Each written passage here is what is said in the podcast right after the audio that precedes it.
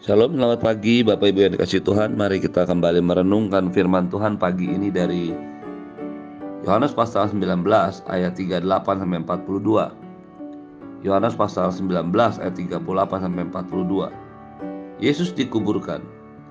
Sesudah itu Yusuf dari Arimatea Ia murid Yesus Tetapi sembunyi-sembunyi karena takut kepada orang-orang Yahudi meminta kepada Pilatus supaya ia diperbolehkan menurunkan mayat Yesus. Dan Pilatus meluluskan permintaannya itu. Lalu datanglah ia dan menurunkan mayat itu. Juga juga Nikodemus datang ke situ. Dialah yang mula-mula datang waktu malam kepada Yesus. Ia membawa campuran minyak mur dengan minyak gaharu, kira-kira 50 kati beratnya. Mereka mengambil mayat Yesus, mengafaninya dengan kain lenan dan membubuhinya dengan rempah-rempah menurut adat orang Yahudi bila menguburkan mayat. Dekat tempat di mana Yesus disalibkan ada satu taman dan dalam taman itu ada satu kubur baru yang di dalamnya belum pernah dimakamkan seseorang. Karena hari itu hari persiapan orang Yahudi, sedang kubur itu tidak jauh diletaknya, maka mereka meletakkan mayat Yesus di situ bagian akhir dari kehidupan Tuhan Yesus sebagai manusia sudah kita renungkan, kita dengar dan kita baca beberapa hari terakhir ini. Ayat-ayat yang kita baca barusan menunjukkan bahwa kematiannya sebagai manusia adalah sebuah fakta yang tidak bisa terbantahkan. Yesus mati sebagai manusia dan dia bangkit kembali. Kematian dan kebangkitannya adalah satu peristiwa yang tercatat dengan detail, yang tidak mungkin hanya merupakan satu cerita atau omongan dari mulut ke mulut saja. Semua yang tertera di situ bukan hanya ditulis oleh Alkitab, tetapi juga oleh banyak informasi yang didapat dari buku sejarah Yahudi yang tentu saja tidak menginginkan Yesus menjadi terkenal atau menjadi Tuhan menurut pandangan mereka.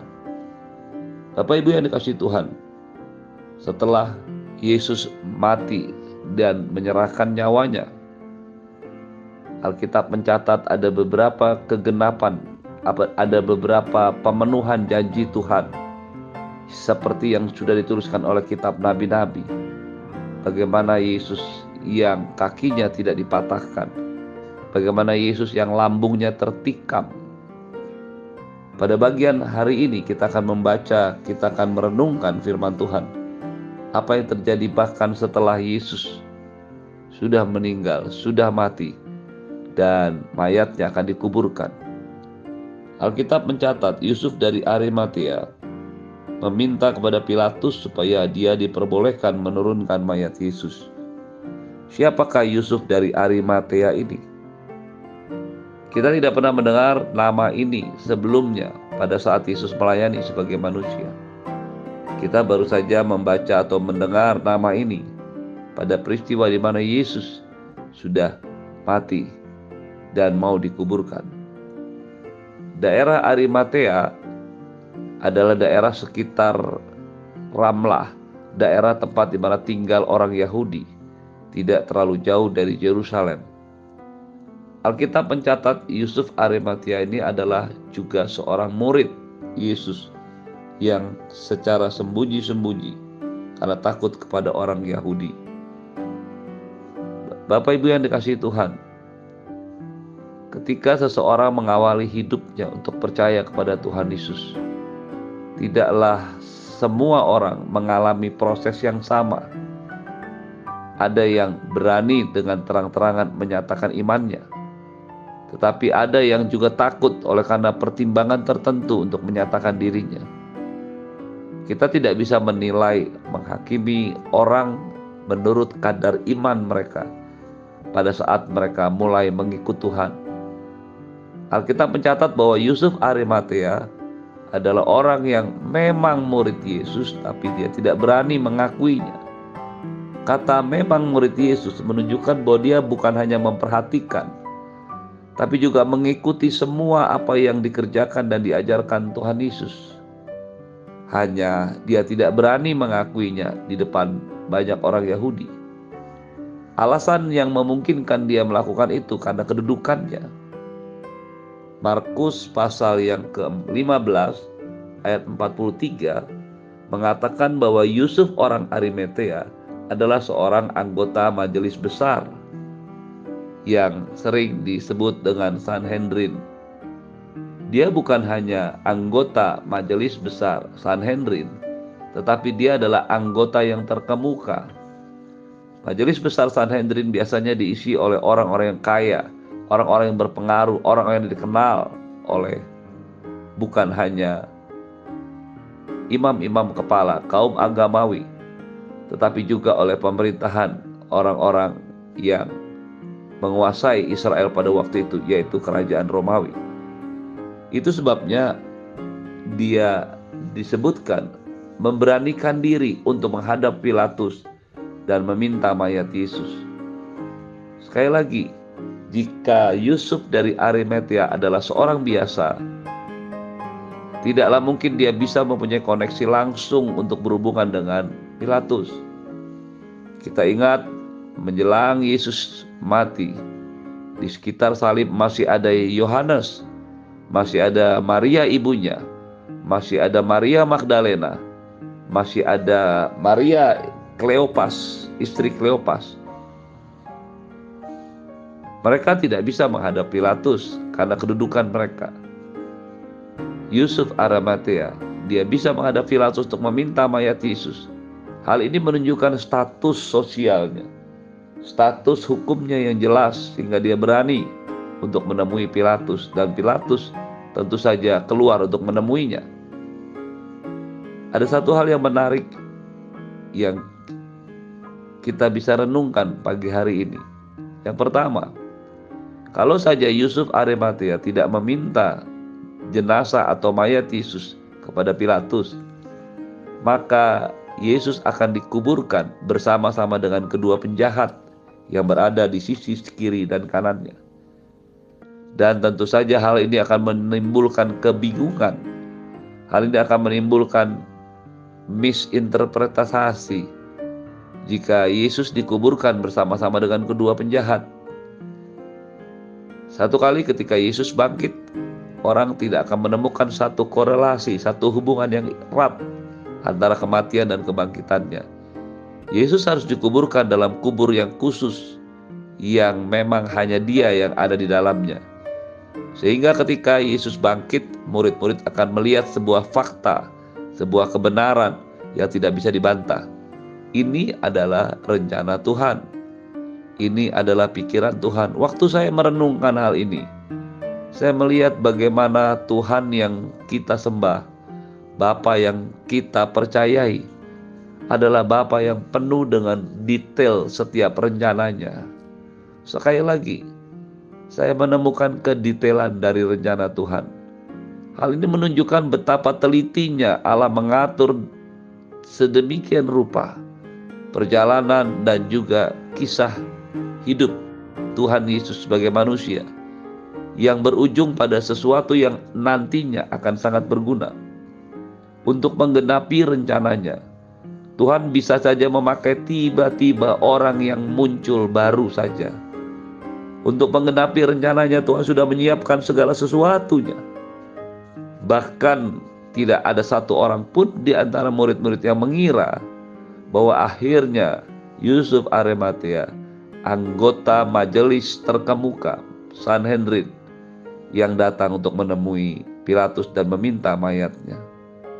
Bapak Ibu yang dikasih Tuhan, kedetailan Allah tentu saja bisa kita mengerti ketika kita melihat alam semesta. Bagaimana Allah bisa menempatkan cakrawala bulan bintang matahari. Ketika Allah menetapkan batas-batas semuanya, daratan, lautan, dan sebagainya. Ketika Allah menyediakan makanan bagi Adam dan Hawa di taman Firdaus, di taman Eden. Ketika Allah mengatur rencana hidup Abraham dan juga para hamba-hamba Tuhan, Yakub, Yusuf dan sebagainya. Ketika Allah mempersiapkan Daud, ketika Allah mempersiapkan kelahirannya, Yesus sebagai manusia.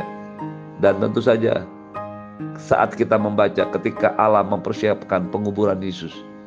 Tuhan bisa memakai siapa saja yang muncul tiba-tiba. Tetapi satu hal yang pasti, dia adalah Yehova Jireh, Allah yang menyediakan semua kebutuhan.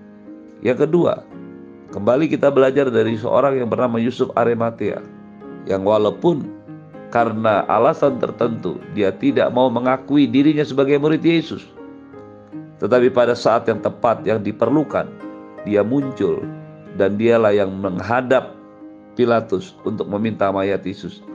Kata memberanikan diri menunjukkan bahwa itu adalah sebuah situasi yang sebenarnya tidak sederhana. Betul, Yesus sudah mati. Betul, Yesus sudah menjadi mayat. Tetapi ada banyak orang-orang Yahudi, ada banyak orang Romawi yang akan menyaksikan ketika Yusuf Arimatea meminta mayat Yesus dari Pilatus. Artinya, apa yang selama ini dia sembunyikan bahwa dia adalah pengikut, dia adalah murid Yesus, toh pada akhirnya akan menjadi terbuka. Memberanikan diri menunjukkan bahwa memang saat itu pun sebenarnya bukan hal yang biasa untuk meminta mayat Yesus. Dengan itu dia akan membuka kedoknya sendiri. Tapi Bapak Ibu yang dikasih Tuhan, Yusuf Arimatea melewati pertimbangan-pertimbangan, melewati pemikiran-pemikiran, ketakutan, dan berhasil menang.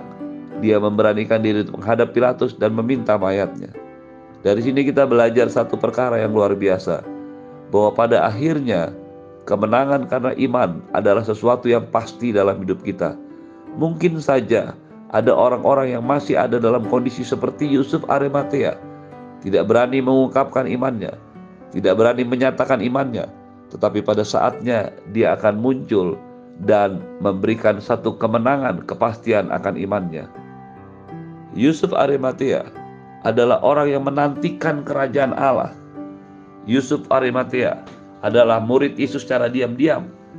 Di dalam Markus 15:43, dia dikatakan sebagai orang yang menantikan kerajaan Allah. Orang yang menantikan kerajaan adalah orang-orang yang tulus hati menantikan betul-betul kebenaran daripada Tuhan. Dan walaupun dia adalah seorang yang kaya, anggota Sanhedrin terkemuka, tapi kekayaan kedudukan sosialnya tidaklah membuat imannya tergerus. Dia tetap tulus hati menantikan kerajaan Allah. Dia tetap percaya bahwa apa yang Allah firmankan itu pasti jadi. Bahkan Lukas 23 ayat 50 menyatakan dia adalah seorang yang baik dan benar. Bapak Ibu yang dikasih Tuhan, akhirnya semua yang ada dalam diri kita akan terungkap. Siapakah kita sebenarnya? Yusuf Arimatea, seorang kaya, anggota majelis besar, Sanhedrin yang termuka, menanti-nantikan kerajaan Allah. Murid Yesus secara diam-diam, orang yang baik dan benar, itu muncul. Pada akhirnya, semua kehidupan Anda dan saya akan berakhir ketika Tuhan memanggil kita atau ketika Tuhan Yesus datang kembali. Pastikan Anda dan saya akan dikenal sesuai dengan karakter kita, sesuai dengan tindakan iman yang kita lakukan, sesuai dengan kehidupan kita. Yang kedua, ada seorang yang bernama Nikodemus datang ke situ. Dia adalah orang yang juga disebut sebagai rabi Dialah yang pertama kali datang kepada Tuhan Yesus di waktu malam, pejabat atau rabi atau orang agamawi yang secara khusus mendatangi Yesus untuk bertukar pikiran. Dialah yang datang pertama kali kepada Tuhan Yesus untuk menanyakan siapakah engkau guru, siapakah engkau rabi. Dialah yang termasuk pertama kali menyatakan Yesus adalah rabi. Alkitab mencatat setelah kejadian di mana dia bertemu dengan Yesus, kita tidak mendengar nama Nikodemus, sampai akhirnya dia muncul pada saat mayat Yesus harus diturunkan.